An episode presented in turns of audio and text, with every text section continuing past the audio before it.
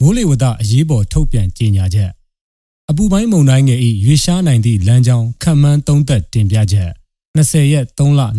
2022အပူပိုင်းမုန်တိုင်းငယ်သည်ဖော်ပြပါလမ်းကြောင်းအတိုင်းရွေရှားပါက1 21ရက်ညနေမှစ၍မြို့ဝကျွန်းပေါ်ကမ်းရိုးတန်းနှင့်ကမ်းလွန်ပင်လယ်ပြင်မှာ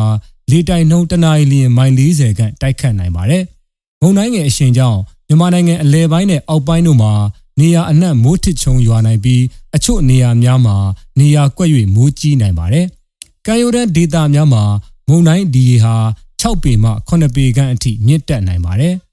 ။နှစ်မတ်လ22ရက်တွင်မူလလမ်းကြောင်းမှသွေဖီ၍လမ်းကြောင်းပြောင်းလဲနိုင်သည့်အခြေအနေတရက်ရှိလာနိုင်ပြီးမြို့ဝကျွန်းပေါ်ဒေသကိုဥတီဖြတ်ကျော်နိုင်ခြေရှိတာကြောင့်ဒေသခံများသတိထားသင့်ပါတယ်။သို့မဟုတ်ပါကစိုက်ကလုန်းမုန်တိုင်းအဆင့်သို့ရောက်ရှိလာနိုင်ပါတယ်။ ၃မူလခန့်မှန်းလမ်းကြောင်းအတိုင်းရွေရှားမည်ဆိုပါကလည်းမော်တင်စွန်းထိပ်ကိုဖြတ်ကျော်ချိန်မှာမုန်တိုင်းဒီဟာ9ပေမှ6ပေခန့်အထိမြင့်တက်နိုင်ပါတယ်။အလားတူရခိုင်ကမ်းရိုးတန်းအတွက်မတ်လ23ရက်ကမ်းဖြတ်ချိန်မှာမုန်တိုင်းဒီ9ပေခန့်မြင့်တက်နိုင်ပါကြောင်းသတိပေးအပ်ပါတယ်။အပူပိုင်းမုန်တိုင်းငယ်၏မတ်လ20ရက်မှ23ရက်အတွင်းရွေရှားနိုင်သောတင်ချပုံစံခန့်မှန်းချက်ဖြစ်ပြီးနေ့အလိုက်ရွေရှားသည့်အမှန်တကယ်လမ်းကြောင်းနှင့်အနှဲငယ်ကွဲလွဲနိုင်မှုရှိနိုင်ပါတယ်။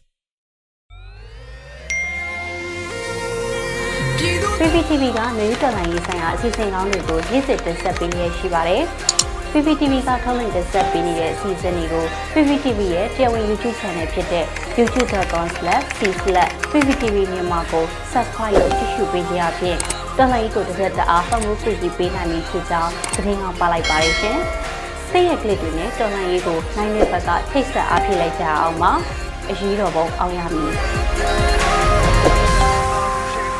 大半夜